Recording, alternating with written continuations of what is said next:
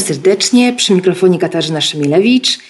Jesteśmy w podcaście Panoptykon 4.0 i polecimy w dzisiejszej rozmowie daleko stąd, bo aż do Chin.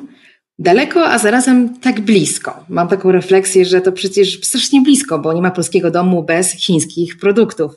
Jak nie plastik, to elektronika, jak nie elektronika, to ubrania.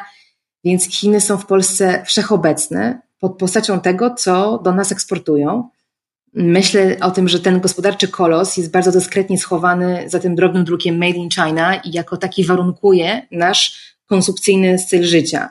Bo gdyby nie chińskie fabryki, szybko mogłoby się okazać, że nas na takie życie nie stać. Albo, co bardziej prawdopodobne, albo wręcz pewne, nie mamy zasobów, żeby produkować wszystko to, do czego się e, tak mocno przyzwyczailiśmy. Mm, I tę zależność uwidoczniła oczywiście pandemia koronawirusa. Na pewno pamiętacie, że w pierwszej fali pandemii zaczęło brakować pewnych rzeczy, leków w aptekach, inne podrożały, bo nagle, w cudzysłowie nagle, bo to oczywiście jest znany fakt dla wszystkich, którzy się tym zajmują, tylko konsumenci pozostają uśpieni i, nieświadomi na co dzień, e, okazało się, że tak wiele rzeczy, przede wszystkim rzeczy, jest uwarunkowane chińskimi półproduktami. I to jest nie tylko przemysł farmaceutyczny i motoryzacyjny, ale przede wszystkim ten elektroniczny. Chińskie telefony kojarzą się oczywiście z potężną marką Huawei, ale przecież chińskie podzespoły i mikrochipy z fabryk takich jak Foxconn są również w tak zwanych amerykańskich telefonach. Taki niewygodny fakt, z którym mm, te duże firmy lubią polemizować, ale taka jest prawda. Więc lubimy o Chinach myśleć jako o naszym zapleczu, o czymś, co warunkuje tę szczęśliwą konsumpcję, pokornie i cierpliwie spełnia nasze potrzeby, ale może zbliża się czas, kiedy powinniśmy myśleć o Chinach inaczej, jako o tym miejscu, z którego będą brały się trendy, za którymi to my będziemy podążać, albo jako o pracodawcy, który będzie zatrudniał polskich programistów, jako o miejscu, z którego będą wychodziły najpopularniejsze, naj bardziej pożądane aplikacje, gry, platformy zakupowe, to wszystko, co do niedawna kojarzyło się wyłącznie z GAFA, z amerykańskimi firmami, być może ma już odpowiedniki w Chinach, które będą atrakcyjne dla nas wszystkich, a nie tylko dla, e, dla Chińczyków. Więc myślę sobie, że może w tym, w tym wyścigu technologicznym, o którym tak często w mediach czytamy pomiędzy Doliną Krzymową a chińskim Shenzhen, zbliżamy się do pewnego przełomu. Szczerze mówiąc, kiedy sama o tym wyścigu słyszę na każdym kroku, kiedy rozmawiamy o regulacji technologii w Europie, mam taką irytację, kiedy słyszę, a przecież Chiny, nie możemy czegoś zrobić, bo Chiny, co Chiny na to? Jeżeli my uregulujemy w Europie technologię w jakiś sposób, jak zareagują Chiny? Nie lubię tego argumentu, bo wydaje mi się rzadko przemyślany, rzadko stoi za nim głębsza refleksja na temat tego kraju. Ale właśnie po to, żeby tę dziurę załatać, w moim własnym myśleniu, bo na pewno ona w nim również y, zieje i, i funkcjonuje i mnie ogranicza, chciałabym dzisiaj przyjrzeć się Chinom z innej perspektywy. Nie jako tego kraju, który zapewnia, obsługuje nasze potrzeby konsumpcyjne, które obsługuje te globalne łańcuchy dostaw, ale jako mocarstwa, które tworzy własne trendy, rozgrywa własne wewnętrzne gry o władzę nad technologią i które być może za chwilę zacznie być dla nas no, niezwykle ważnym punktem odniesienia w innej perspektywie. I do tej rozmowy mam dziś wspaniałą gościnę, która o Chinach e, ku mojemu zaskoczeniu pisze od, od, od, od lat. Jest nią Sylwia Czubkowska. Witajcie w podcaście Panoptykon 4.0. Mówi do Was Katarzyna Szymielewicz. Jestem prawniczką i prezeską Fundacji Panoptykon, która reaguje na zagrożenia związane z rozwojem nowych technologii i to, co dzieje się na styku tej technologii człowieka. W Panoptykonie 4.0 mam ten komfort, że nie zaglądam do ustaw, nie gadam z politykami, ale mogę zrobić coś ciekawszego, mogę zajrzeć na zaplecze tych technologii, przemyśleć to, skąd się wzięły, co tak naprawdę zmieniają w naszym życiu, jak działają i rozmawiam o tym z ludźmi, którzy wiedzą, wiedzą, bo badają, wiedzą, bo są praktykami e, i tą wiedzą potrafią się dzielić. Technologie i człowiek. Człowiek i technologie. Gdzie na tym styku czekają na nas zagrożenia? Jak korzystać z technologii, by na nich skorzystać? Jak kontrolować, kto gromadzi o nas informacje i do czego ich używa? Z ekspertami i praktykami rozmawia Katarzyna Szymielewicz. Panoptykon 4.0 Podcast to KFM.pl i Fundacji Panoptykon. Sylwia Czubkowska. Dzień dobry, dzień dobry Państwu. Redaktorka prowadząca Spiders Web Plus, wcześniej wieloletnia dziennikarka ekonomiczna i technologiczna takich tytułów jak Gazeta Wyborcza, Dziennik Gazeta Prawna i Tygodnik Przekrój, trzykrotnie nominowana do Grand Press w kategorii dziennikarstwo specjalistyczne. I to właśnie z tego klucza my się znamy, bo specjalizacja Sylwii w technologii e, jest mi bliska, niezwykle ją szanuję. Uwielbiam dziennikarzy, którzy drążą tematy i ich nie porzucają. I właśnie taką dziennikarką jest Sylwia. No i jednym z tematów, które podjęłaś dobrych kilka lat temu, kiedy to jeszcze nie było tak modne, były Chiny, oczywiście w ujęciu technologicznym ale jak technologicznym, to też politycznym, bo nie do końca da się rozplątać w przypadku i Ameryki, i tego kraju e, te dwa wektory, prawda? Co technologiczne szybko staje się polityczne i na odwrót. No właśnie. Jak się czujesz w roli ekspertki od Chin w tej rozmowie? Przyznam się, że to jest dla mnie cały czas zaskakujące, jeżeli ktoś postrzega mnie jako ekspertkę od Chin, bo ja się nie postrzegam jako ekspertkę od Chin. E, nie jestem z wykształcenia sinologiem, nie znam języka chińskiego, aczkolwiek rzeczywiście zaczęłam się uczyć w tym roku e, języka chińskiego. Myślę, że wszyscy powinniśmy wszystko przed Myślę, że wszyscy się powinniśmy zacząć uczyć języka chińskiego, tak jak angielskiego się kiedyś uczyliśmy. E, ja w ogóle do zajmowania się Chinami, do pisania o Chinach i zainteresowania Chinami rzeczywiście podeszłam w z takiej zupełnie drugiej strony i drugiej nóżki niż to robi większość ekspertów, czyli nie zajmując się sam, samym państwem, państwem środka jako państwem środka, e, tylko Chiny do mnie trafiły trochę bocznymi drzwiami. Trafiły do mnie przez tematykę geopolityczno-technologiczną. Mm, I, I już jak trafiły, to już tak to z pełnym impetem tak naprawdę i, i rzeczywiście teraz piszę dosyć dużo na temat... A kiedy, kiedy ten przełom w Tobie nastąpił? Kiedy stało się dla Ciebie oczywiste, że musisz w tym kierunku patrzeć i jako dziennikarka ten kierunek opisywać? Mniej więcej trzy lata temu, e, kiedy zaczęły się coraz mocniejsze przepychanki wokół technologii 5G. I one były jeszcze bardzo mało zrozumiałe i bardzo mało tak zmapowane w Polsce i w Europie. Wszyscy byli przekonani, że a, jakieś 5G, czyli takie 4G, nie? trochę lepsze 4G. A 4G, no to cóż, cóż to ciekawego, to najwyżej będziemy mieli szybsze smartfony. No i y, smart cities i y, zrobotyzowane fabryki. Y, tylko, że to kompletnie nie o to chodzi tak naprawdę. Oczywiście tym efektem wprowadzenia kiedyś technologii 5G tutaj wzdycham, dlatego że kilka dni temu dosłownie minął rok czasu od e, skasowania aukcji 5G e, w Polsce i usunięcia prezesa UKE e, podczas nocnego głosowania nad tarczą 3.0 i cały czas do nowej aukcji nie doszło, nie została ogłoszona z powodów nie technologicznych, tylko właśnie politycznych. I to jest ta słynna aukcja, w której do końca nie było wiadomo, czy wystąpi, czy wystartuje Huawei. To jest bardziej skomplikowane. I tu się zaczyna właśnie, i to się, i to jest polityka w technologii. Mówiąc, jak mówimy o Chinach, to przy prawie każdym temacie można powiedzieć, to jest bardziej skomplikowane. To postaramy I, się to dziś i, i właśnie, właśnie rozplątać. Tak, właśnie, właśnie tak, to, tak to u mnie było, że jak zaczęłam się interesować w sposób dosyć oczywisty, no bo jeżeli jest się dziennikarzem gospodarczo-technologicznym, to nie da się nie zajmować 5G, tak? W którym w momencie, w którym zaczęłam się 5G interesować, to co chwilę słyszałam i czytałam i dochodziło do mnie, że to jest znacznie bardziej skomplikowane na końcu tego zdania, bo Chiny. No nie wchodząc w takim razie w samą technologię 5G i w skomplikowanie tego tematu, bo na sam ten temat mogłoby poświęcić e, rozmowę dzisiejszą, a nie taki był mój cel, e, spróbujmy może mm, przypomnieć, jakie obawy wzbudzała obecność chińskiej firmy Huawei w tej mm. aukcji mm.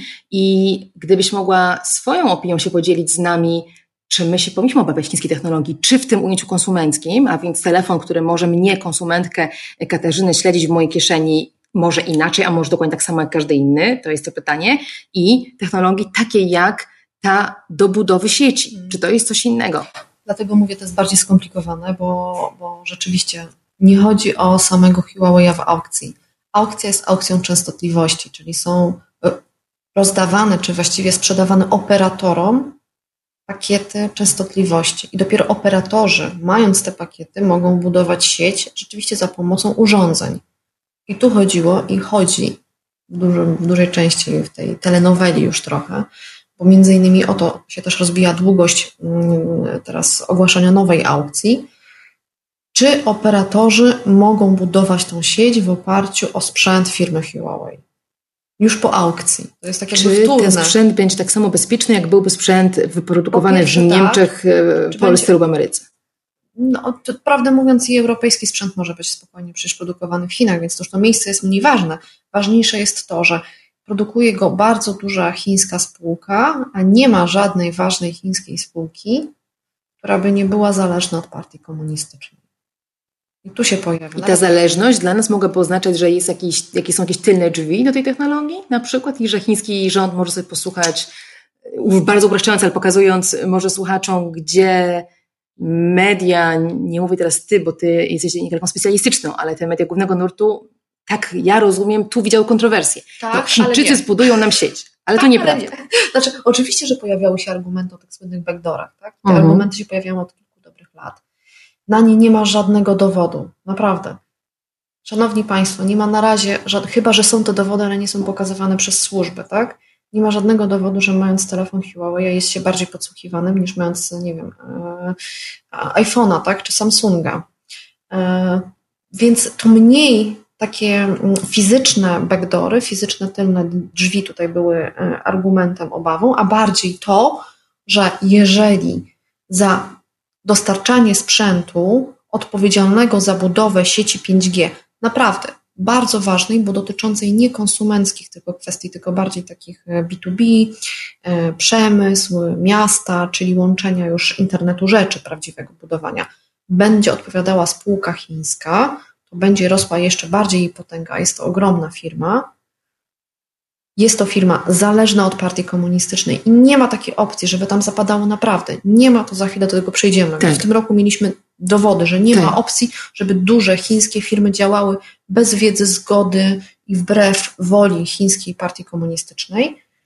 Więc jeżeli Huawei dostałby kolejny kontrakt w Polsce, w Estonii, Niemczech, Francji, we wszystkich państwach europejskich przechodzą te dyskusje mniej lub bardziej takie emocjonalne. Dostawałby kolejne duże kontrakty, umacniałby się, umacniałaby się też pozycja y, w efekcie tak naprawdę Chin całych, tak? Jako państwa, które jest y, największym obecnie konkurentem Stanów Zjednoczonych i Unii Europejskiej połączonych, można w pewien sposób powiedzieć, na świecie, nie tylko pod kątem technologicznym, ale także biznesowym, politycznym. No nie bez powodu mówi się już o, przecież od też dobrych dwóch, trzech lat o zimnej wojnie, tak? y, Handlowo-technologicznej na świecie. A skąd- dlatego mówię, Tak. bardziej skomplikowane, bo jak ruszamy w ten temat, to nam się takie domino tak naprawdę tutaj zaczyna rozkładać całe. I chcemy je rozłożyć, wracając teraz krok wstecz do pytania, skąd w Chinach taki skok technologiczny? Bo przecież Chiny były długo postrzegane, może nie były takie właściwie, ale były tak postrzegane jako kraj rolniczy, zacofany, państwo trzeciego biedny. świata. To było państwo trzeciego świata, nie ma co się oszukiwać. Kiedy to się zmieniło? E, To się zaczęło zmieniać w latach 90., ale najpoważniejsze decyzje zapadły już w XXI wieku. To były decyzje dotyczące silnej industrializacji państwa, powiązanej właśnie z rozwojem technologicznym. Mm, Został, wiecie Państwo, pamiętacie, jeżeli ktoś odrobinę pamięta jeszcze czasy komunistyczne w Polsce, nawet jeżeli nie bardzo żył, to jakieś takie wspomnienia powiedzmy szkolne, E, to jest państwo zarządzane trochę podobnie, jak były zarządzane państwa naszego bloku, czyli du- dużymi planami rozwojowymi, pięciolatkami u nas tak prawda, to były. W Chinach jest to słynny obecnie plan Made in China 2025, który został, jeżeli się nie mylę, w 2010 roku y, ogłoszony, czyli z 15-letnią perspektywą. I ta, ta perspektywa Rozmachem. za chwilę się kończy. Tak? To, Mhm. to, co się wydawało kie- wtedy, o, to jeszcze dużo, dużo czasu, to 20 25 rok będzie za chwilę. I cała ta, cały ten wielki plan jest rzeczywiście w ogromnej mierze oparty na rozwoju technologii tych futurystycznych jeszcze wtedy nam się I wydawało. te plany, w przeciwieństwie do tych, które możemy pamiętać z książek historycznych albo doświadczeń własnych, ile kto ma lat w zależności od tego, to one działają. Te chińskie są, są skuteczne. realizowane i co więcej, one są z wyprzedzeniem realizowane. I ten Made in China 2025 to jest plan oparty na sztucznej inteligencji, internecie rzeczy, technologii 5G, algorytmach, tym, co dzisiaj jest naszą współczesnością, ale kilkanaście lat temu wydawało się jeszcze, że jest bardzo do przodu, tak?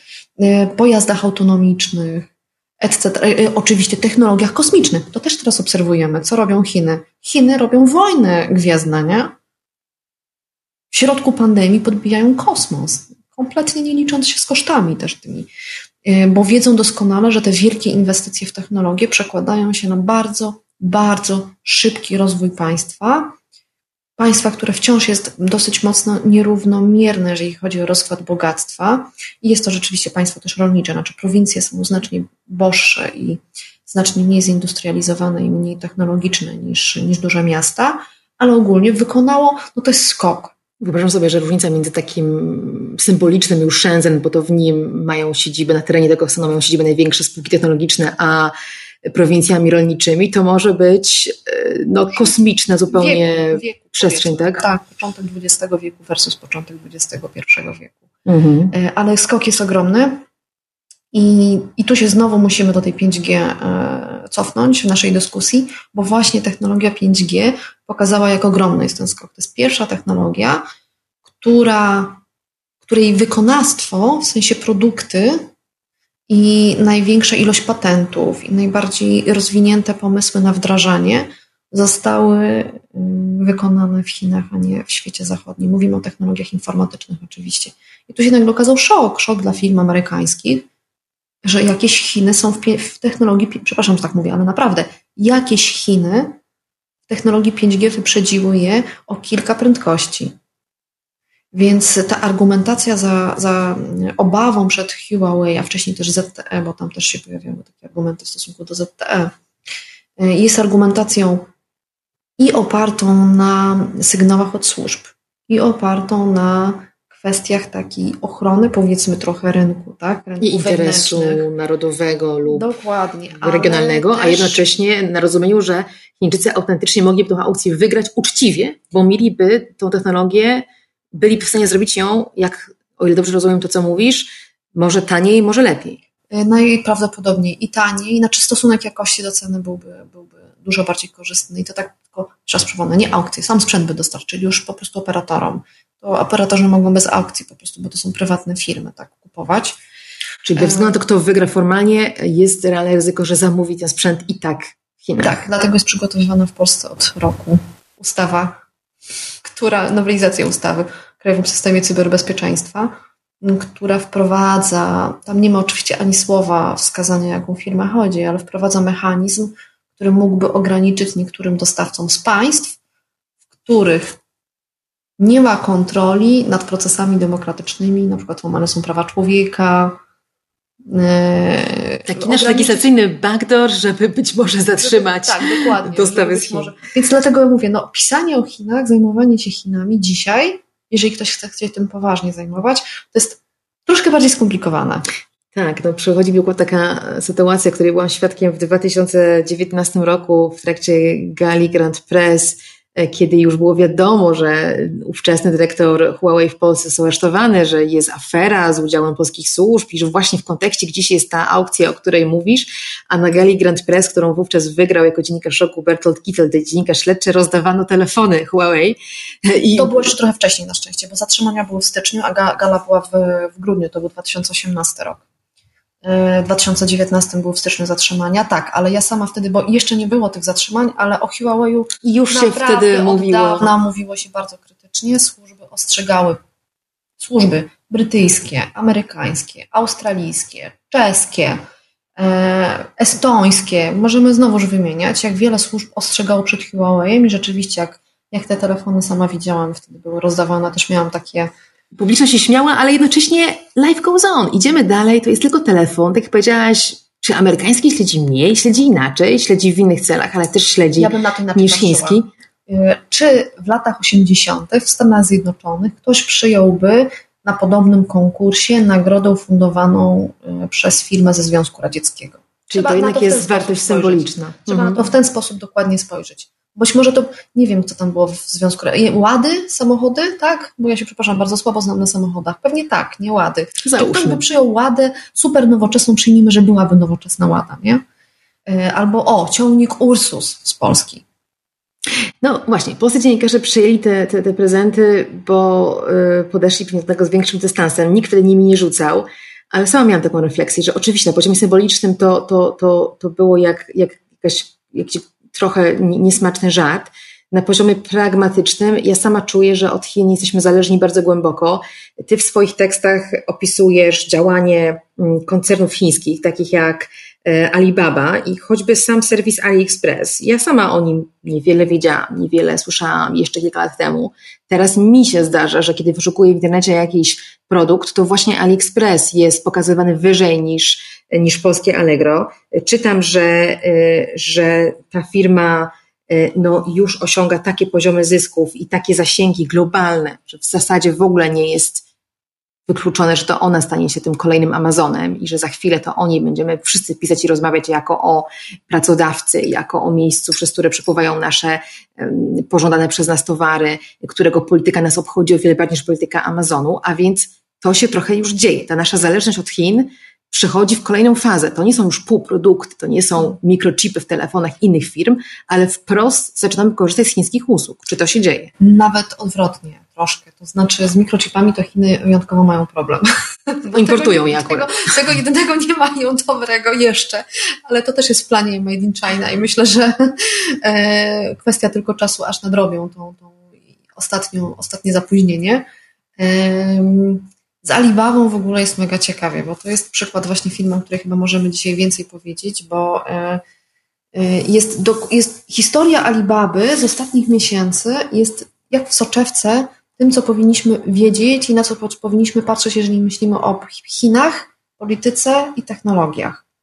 Alibaba jest to firma założona przez Jacka Ma. Jack Ma jest, to jest człowiek symbol, to jest taki Bezos plus Gates, plus mask tak naprawdę chiński, mega nowoczesna twarz Chin, e, naprawdę taki samorodek od nauczyciela, nauczyciela, który nie zarabiał jakichś wielkich pieniędzy, nie miał wielkiego technologicznego wykształcenia, pojechał do Stanów Zjednoczonych i za, za, taką w latach 90. zajawkę złapał, zobaczył eBaya e, i, i stworzył chińskiego eBaya de facto, bo, bo tym było Taobao, pierwszy serwis założony przez Jacka Ma E, pod koniec lat 90. zbudował wielkie, wielką, potężną firmę, holding, który jest i AliExpress, czyli serwis rzeczywiście e-commerce'owy, odpowiednik trochę Amazona i naszego Allegro.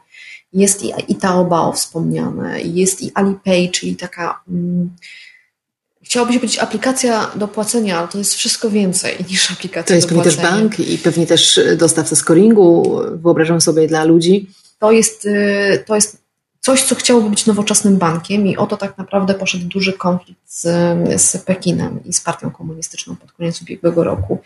No ale jakby nie było, potężna postać, potężna firma, działająca na wielu, wielu rynkach I taki światowych. dobry model dla Chińczyków aspirujących, prawda? Tak, Bo pokazujący, no że możesz jest... stać się z nauczyciela szefem koncernu technologicznego. China Dream taki prawdziwy, mhm. tak? I do tego stopnia, że nawet jego firma w Afryce, w której zresztą Chiny mają bardzo silne wpływy, w Chinach, w Afryce, przepraszam, jego firma w Afryce organizuje od kilku sezonów konkurs w rodzaju Dragon's Den, taki, taki telewizyjny dla e, afrykańskich inwestorów, biznesmenów, startuperów.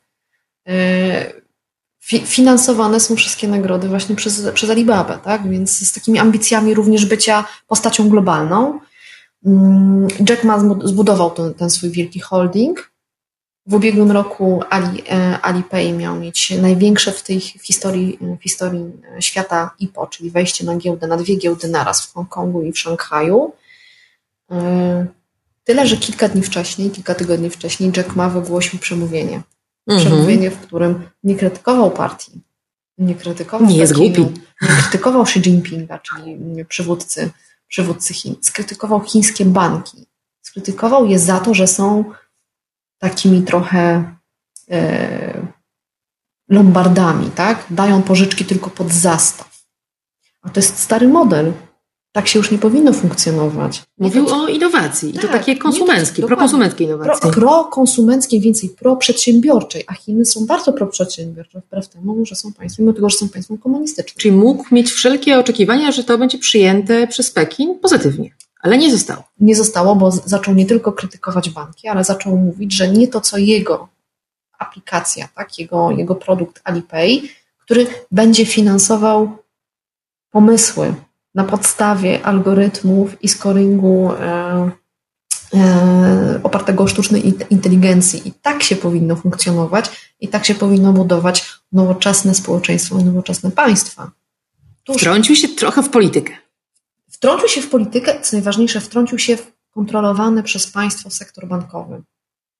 Reakcja była natychmiastowa. My tutaj w Europie rozważamy kontrolę nad big techami. W Stanach Zjednoczonych wielkie przesłuchania mm, prezesów GAFE tak, przed kongresem miesiącami. Się ciągną się dwa lata. Trzy tygodnie. Trzy mhm. tygodnie zajęło Pekinowi wprowadzenie nowych regulacji e, dotyczących e, aplikacji e, płatnościowych, tak poważnych regulacji, że zostały wstrzymane debiuty giełdowe Alipay. Tak mhm. się reguluje. A sam Jack Ma jest zniknął. w czymś na kształt aresztu domowego. No, zniknął.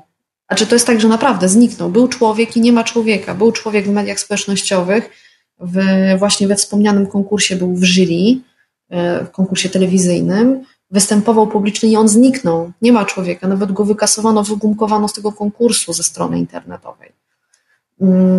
Od października do stycznia nie pokazał się ani razu. W styczniu po raz pierwszy pokazał się publicznie na spotkaniu takim na Zoomie ze studentami. Potem raz jeszcze, już po tym jak na jego firmę została nałożona ogromna kara, oczywiście przyjęta do, do, do e, na spotkaniu znowuż online'owym z, z, z Władimirem. Razy w ciągu pięciu miesięcy. Tak się reguluje big techy w państwie, które ma nad nimi pełną kontrolę. E, I co nie znaczy wcale, że ta decyzja, że, że, że, że Chiny są przeciwko pomysłom Jacka Ma. One po prostu chcą nad tym mieć kontrolę i być może same wybierając konkretne banki i tworząc konkretne usługi, też zaproponują takie fintechowe, nowoczesną, fintechową, nowoczesną bankowość, bo ona rzeczywiście ma przyszłość, no nie ma co się oszukiwać. Tak będą wyglądały scoringi za chwilę. Cóż innego niż kredyt scoring y, może być atrakcyjny dla państwa, które chce kontrolować swoich obywateli. Mogę sobie wyobrazić, że rząd chiński rzeczywiście nie chce oddać sektor bankowego w ręce tak zupełnie prywatne, bo to oni chcieliby móc kontrolować, kto jaki scoring dostanie, kto będzie miał dostęp do kredytu e, i też obserwować, jak ludzie wydają pieniądze. Czy to może być jeden z powodów, dla których Jack Ma został skontrolowany? Tak, oczywiście, że tak. Zresztą państwo chińskie już to robi. Jest słynny ten system właśnie takiego scoringu społecznego. Póki co to jest system wciąż raczej działający pilotażowo. I przez prywatne firmy realizowany. Tak, oczywiście, że przez prywatne firmy realizowany. Właśnie na tym polega cały ten model chińskiego komunizmu że to nie jest w przeciwieństwie do tego, co, z czym nam się kojarzy komunizm, pełna nacjonalizacja e, biznesu, przemysłu, e, technologii, tylko raczej kooperacja. Chcesz funkcjonować, chcesz robić biznesy, świetnie, my ci tu umożliwimy, pomożemy. Co więcej, nie będziemy wprowadzać kontroli nad tym, jak działasz za granicą, o ile grasz z nami tak, jak my chcemy.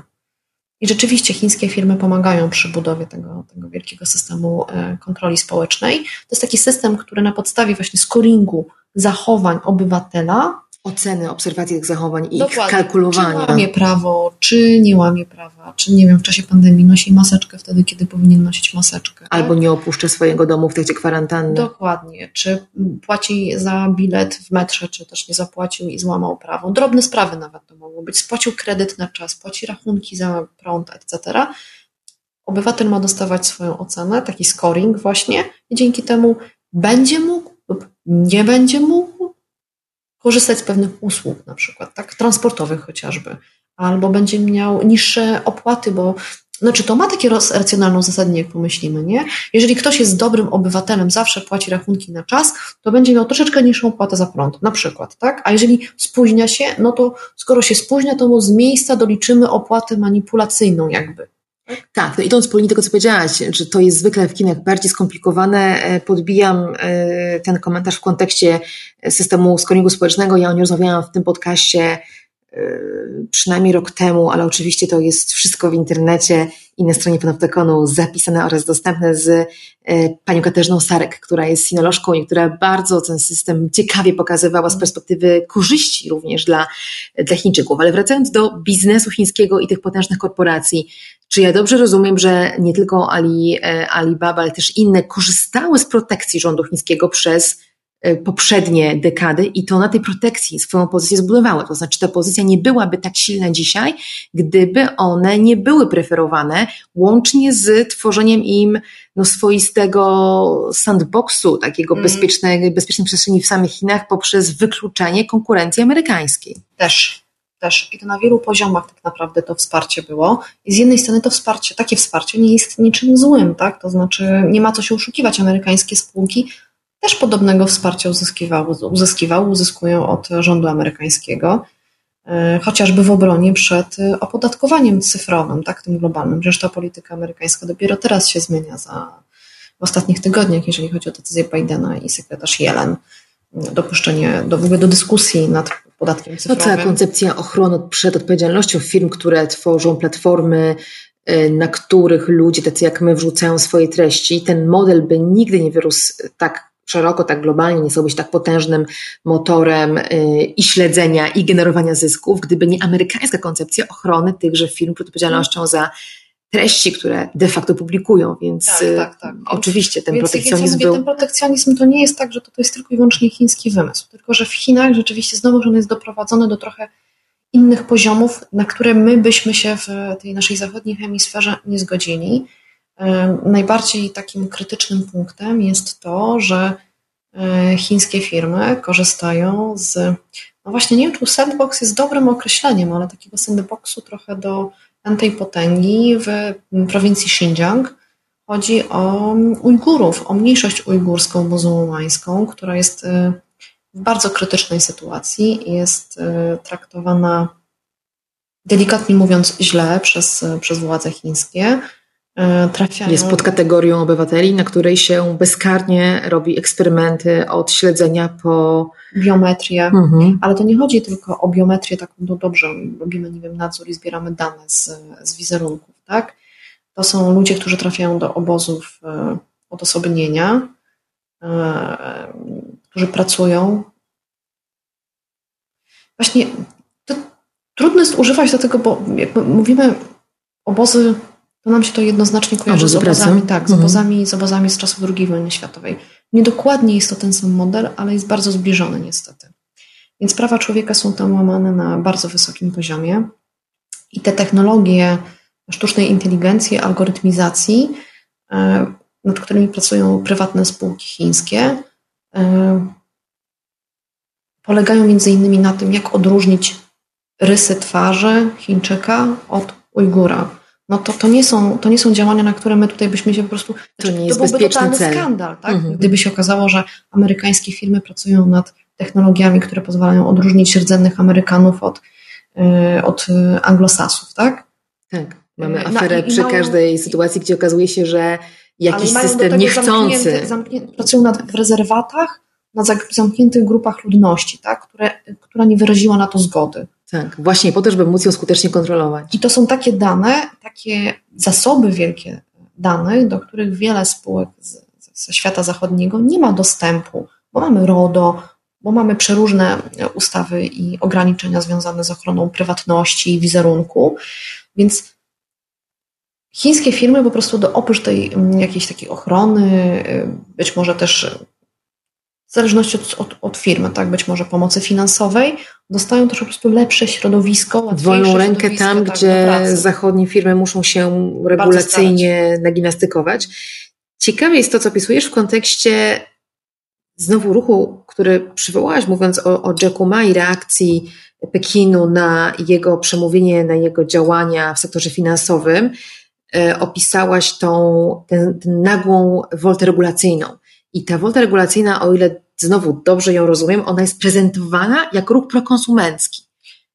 Bo I to możemy... jest po części ruch prokonsumencki, żeby było jasne, rzeczywiście. I powiedzmy mamy... dokładnie, co się wydarzyło w listopadzie ubiegłego roku, jeśli chodzi o tę woltę regulacyjną.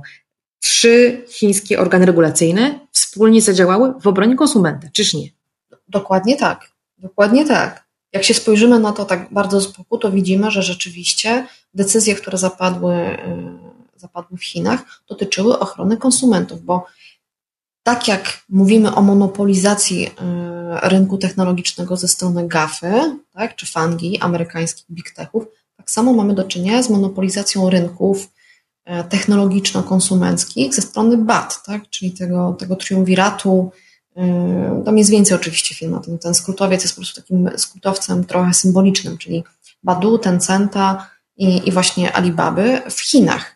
Alibaba, podobnie zresztą jak Tencent, właściciel między innymi WeChatu, bardzo drugiej najważniejszej aplikacji de facto i komunikacyjnej, i płatnościowej e, w Chinach, taki, taki Uber aplikacji do wszystkiego, wprowadzają takie zasady w swoich platformach, które nie pozwalają użytkownikowi równolegle wykonywać tych samych czynności, przechodząc z platformy do platformy. Tak? Czyli jeżeli sprzedajesz na AliExpressie i e, AliExpress e, zauważyłby, że sprzedajesz na konkurencyjnej platformie, nie wiem, na przykład na JD.com, tak? To może się okazać, że twój sklep będzie gorzej traktowany. A na pewno nie będziesz mógł zapłacić za pomocą innej aplikacji do, do mikropłatności dokładnie. za produkt, który tam kupisz. Więc jeżeli AliExpressie sprzedajesz, to możesz tylko korzystać z płatności za pomocą Alipay przykładowo, tak? Już nie możesz tych WeChatowych e, płatności obsługiwać. Więc te regulacje są wysoce uzasadnione. To nie jest tak, że one nie są, nie są skierowane w stronę konsumenta. No I było tylko, tak. że przez ileś lat dopuszczano. Dokładnie. Przypomnijmy, coś, coś wydarzyło, to są Twoje słowa, bo ja oczywiście uczę się tych faktów z Twoich tekstów. Mm, owe trzy organy regulacyjne, upraszczając no coś takiego na kształt polskiego łokiku i organu ochrony danych i KNF-u, spotkały się z 27, więc jest tego więcej, firmami internetowymi, w tym z tymi największymi, czyli Tencent, Baidu, ByteDance i Alibabą i wezwano te big techy do uporządkowania gospodarki internetowej i rozwiązania problemów, takich właśnie jakich praktyki e, antykonkurencyjne, monopolistyczne, e, handel podróbkami również został im wyciągnięty i to w kontekście pandemii, którą rząd chiński również zauważył jako kontekst, który pogarsza sytuację konsumenta, który siedzi zamknięty w domu, który musi pracować zdalnie, e, edukuje się zapewne również zdalnie, o ile w ogóle, a więc jest jeszcze bardziej zależny, narażony jeszcze bardziej na, na szkody związane z takimi działaniami E, antykonkurencyjnymi. No właśnie, i co one mają teraz robić, te firmy? Co mają zmienić konkretnie? Czy wiadomo, czy to jest tylko taki ruch symboliczny, a do końca nie wiadomo, na czym miałaby polegać na zmiana? nie będzie to symboliczny ruch. Będą bardzo szczegółowe regulacje, one są powoli wydawane. E, bo tutaj też e, Chiny doskonale wyczuły to takie globalne zjawisko potrzeby regulacji, które widzimy w Europie, które mamy w Stanach Zjednoczonych, które Australia u siebie próbowała wprowadzać, widzieliśmy jak to się skończyło. Czy póki co wygrano Australię, ale... Y, Starcie Australia-Facebook? Tak, tak mhm. nawet Australia, Facebook i Google, tak, bo to, bo to, było, bo, bo to było bardziej szersze, więc, te, więc, te, więc ten ruch regulacyjny jest rzeczywiście globalny. Chiny go też wyczuły, też widzą potrzebę. Różnica jest taka, że myślą tylko i wyłącznie o ochronie własnego konsumenta. To nie jest tak, że te, regulacje mają dotyczyć globalnego działania, przykładowo AliExpress, traktowania przez AliExpress klientów z Polski. Lub Ujgurów, o których wspomniałaś, że raczej nie będą objęci korzyściami wynikającymi z tych regulacji. Jako konsument mogą być objęci, tak? no bo to też jest obywatel Chin, tak? jako konsument jako taki. Co innego oczywiście to jest kwestia ochrony prywatności, czy kwestia ochrony po prostu praw człowieka, tak? bo to są jakieś takie dwa, dwa różne poziomy.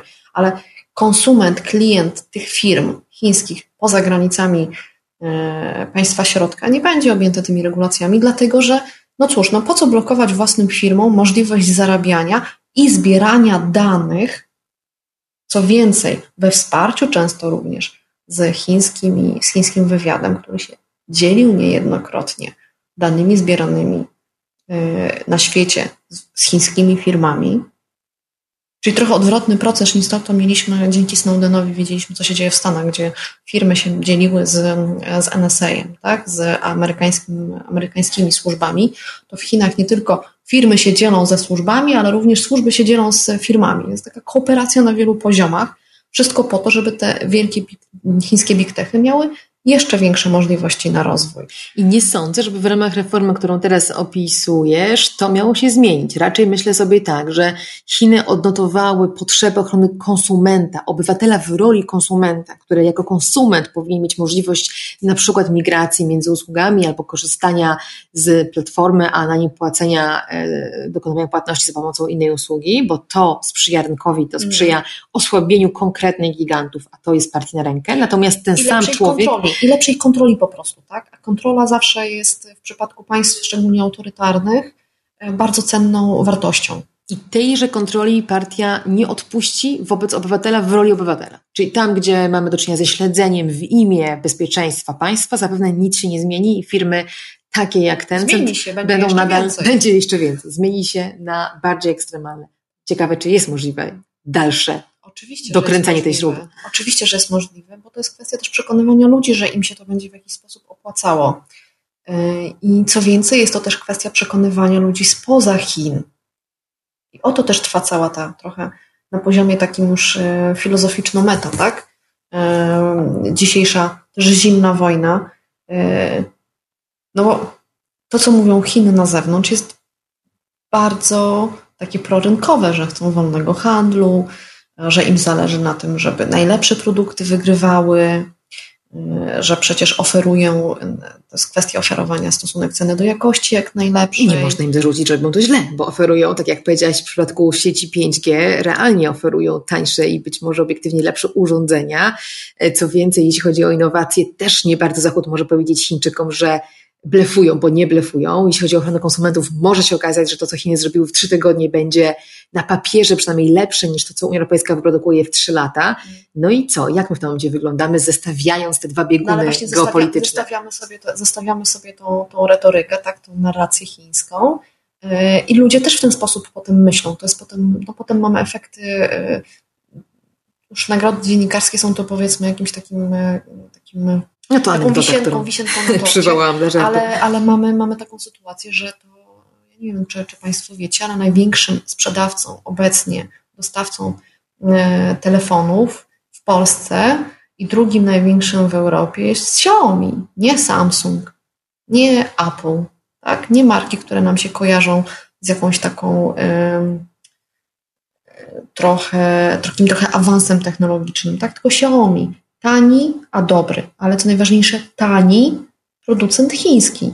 Ponad no już prawie jedna trzecia po- polskiego rynku e, urządzeń mobilnych. To telefony, a gdzie opaski do śledzenia ruchów Urządzeń ciała, mobilnych. No tam smart również- asystenci, E, inne gadżety, tu chyba Chiny wiodą kompletny. To właśnie, właśnie, Prym, właśnie tak, Xiaomi jest, jest, jest po- pod tym względem jest totalną potęgą, bo oprócz tego wszystkiego, co wymieniłaś, tam jeszcze dochodzą oczyszczacze powietrza, klimatyzatory, yy, hulajnogi elektryczne. Wszystko to zbierające dane, bo wszystko to da się podłączyć do, internetu, no, jak nie mam. Oczywiście, że tak. Jeszcze ze sobą połączyć, tak? Jak się ma opaskę i, czy tam smartfon, tak? I do tego aplikacje. To lepiej niech te Chiny tę ochronę konsumenta traktują poważnie. Jeżeli będziemy korzystać z tych urządzeń, nie będzie, tak jak z tego, co opowiadałaś, rozumiem, że na ten moment nikt nie zakłada objęcia nas tymi regulacjami, a więc my zostajemy w takim limbo, bo Chińczycy z perspektywy Unii Europejskiej są e, krajem trzecim, e, No tak, tak, trzecim, prawnicy tak. to rozumieją, także nie jest to kraj objęty regulacją europejską, nie może być, no bo jest par excellence krajem trzecim. W Chinach regulacja konsumencka dotyczy wyraźnie, wyłącznie obywateli, a więc my zostajemy w zupełnym regulacyjnym niebycie.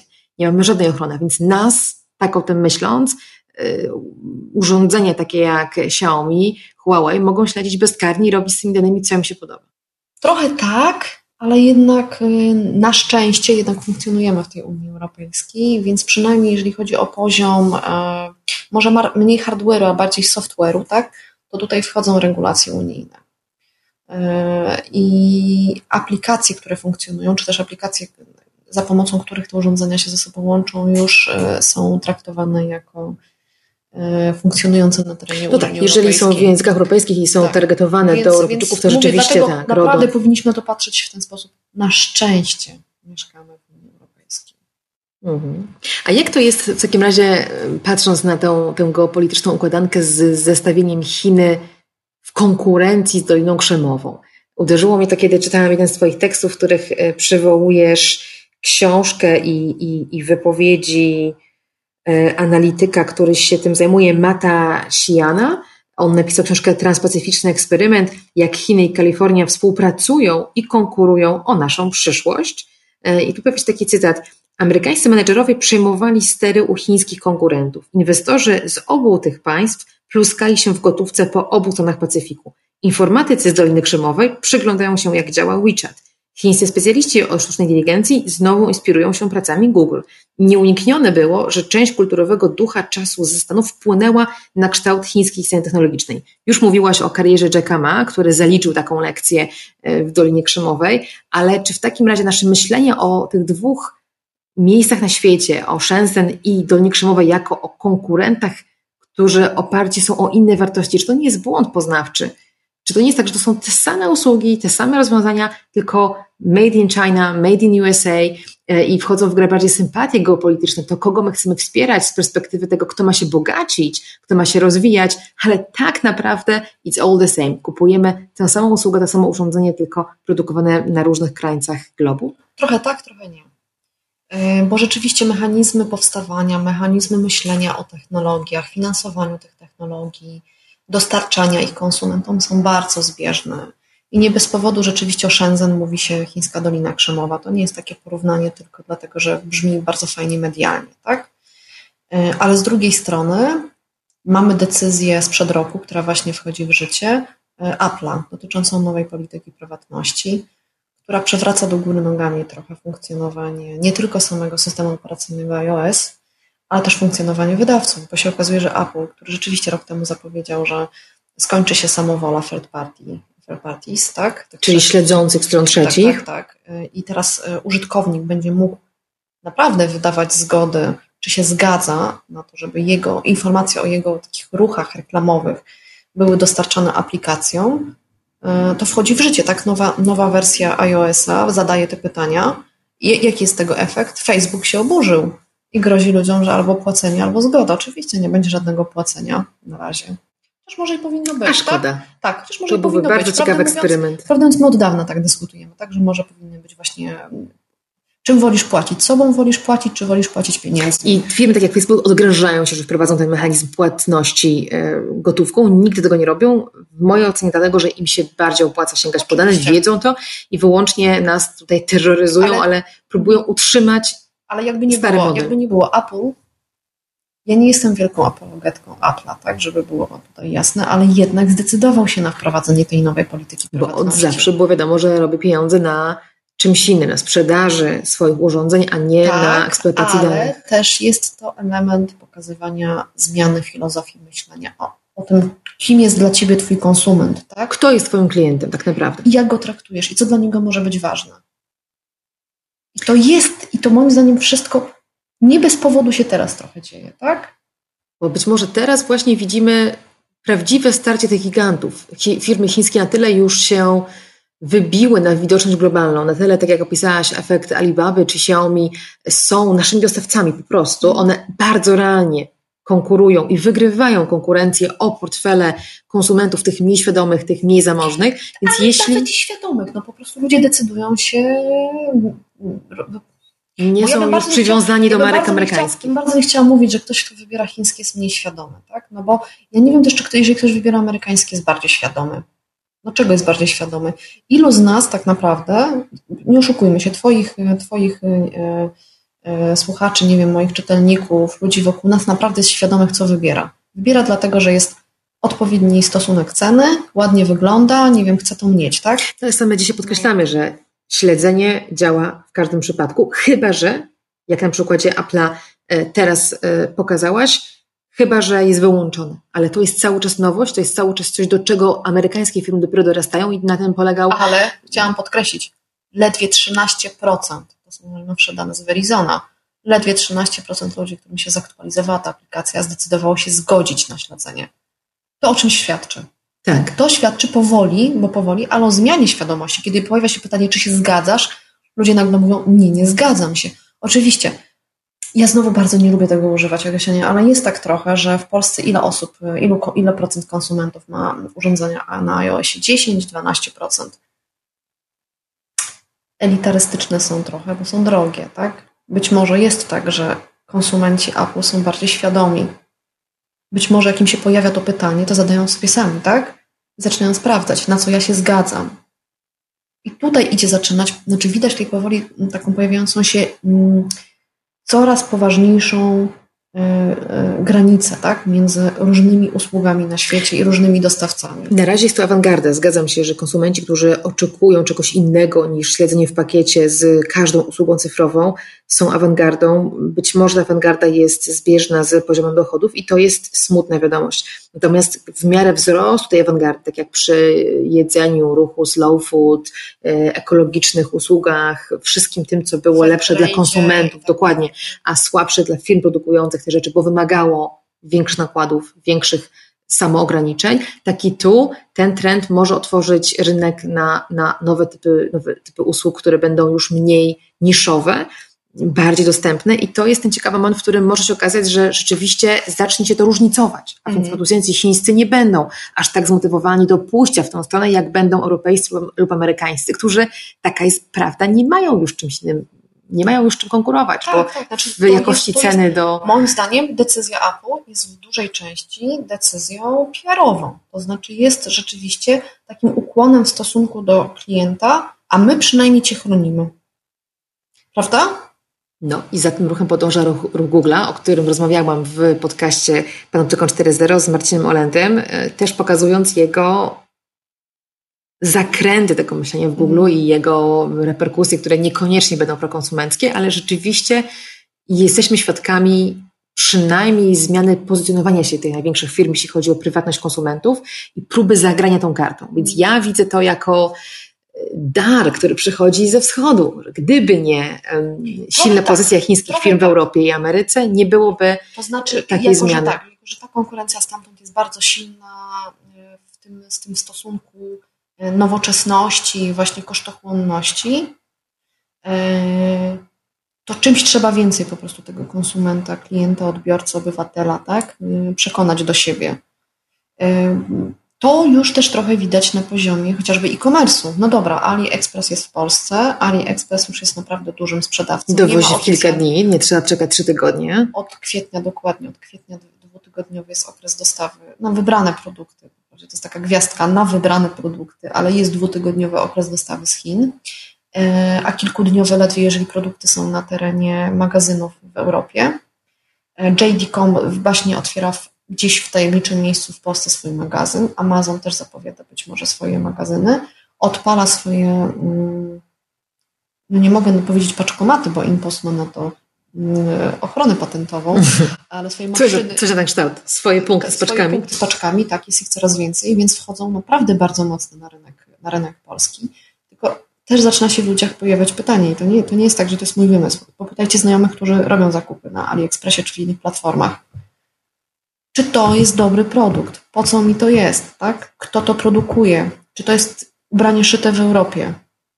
Nareszcie. Tak dalej, Czyli tak dopóki kupowaliśmy chińskie produkty ubrane, przebrane w marki europejskie, było to dla nas do przełknięcia. Kiedy kilka... kupujemy oficjalnie z Chin, lampka się zapala. Jeszcze kilka lat temu, kiedy ten AliExpress był taką trochę egzotyką, tak to ludzie kupowali w dużej części tam dlatego, że on był taki eksperymentalny, jakieś dziwne rzeczy można było kupić. Teraz, teraz, kiedy jest tego więcej, jest to łatwiejszy jest do tego dostęp, coraz częściej właśnie sobie zadajemy pytanie, co kupujemy, tak? Po co to kupujemy? Mamy Amazona, mamy Allegro, mamy AliExpress i tysiące innych sklepów, mniejszych, większych. Więc już y, sam zachwyt nad czymś nowym. Że mogę kupić tak, mija. Zaczyna być powoli. pytanie, mm, po co mi to? Ciekawe, no oby ten trend nas wyzwalał z konsumpcji, oby konkurencja firm chińskich z amerykańskimi kończyła się wyższym standardem i dla konsumentów chińskich, i dla tych, e, tych w Europie.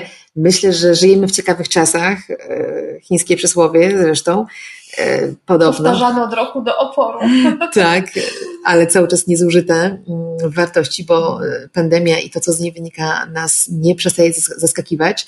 E, bardzo Ci dziękuję, że pokazałaś nam Chiny z tej innej perspektywy, trochę być może pozwalając zajrzeć w perspektywę, jak myślą władze partii komunistycznej, jak myślą tamtejsze big techy, w jakiej sytuacji są tamtejsi konsumenci, bo ja też uważam, że żeby o Chinach dyskutować i zestawiać je w tej geopolitycznej układance z E, Europą czy Stanami Zjednoczonymi musimy choć trochę zrozumieć, nawet jeśli jest to, jak pokazać, potwornie trudne. Ja, znaczy właśnie to jest tak, że to nawet nie jest potwornie trudne, to jest po prostu troszkę bardziej skomplikowane niż nasze takie mm, klisze nam pozwalają na pierwszy rzut oka myśleć, ale to jest naprawdę fascynujące. I czy ktoś się interesuje technologiami, czy ktoś się interesuje polityką, to bez próby zrozumienia i pilnowania tego, co się dzisiaj dzieje w Chinach, łatwo jest się po prostu pogubić. Więc ja po prostu polecam. Polecam, żeby gdzieś w codziennym takim myśleniu, czy tam w prasłówkach w miarę regularnych zaglądać na e, materiały dotyczące Chin.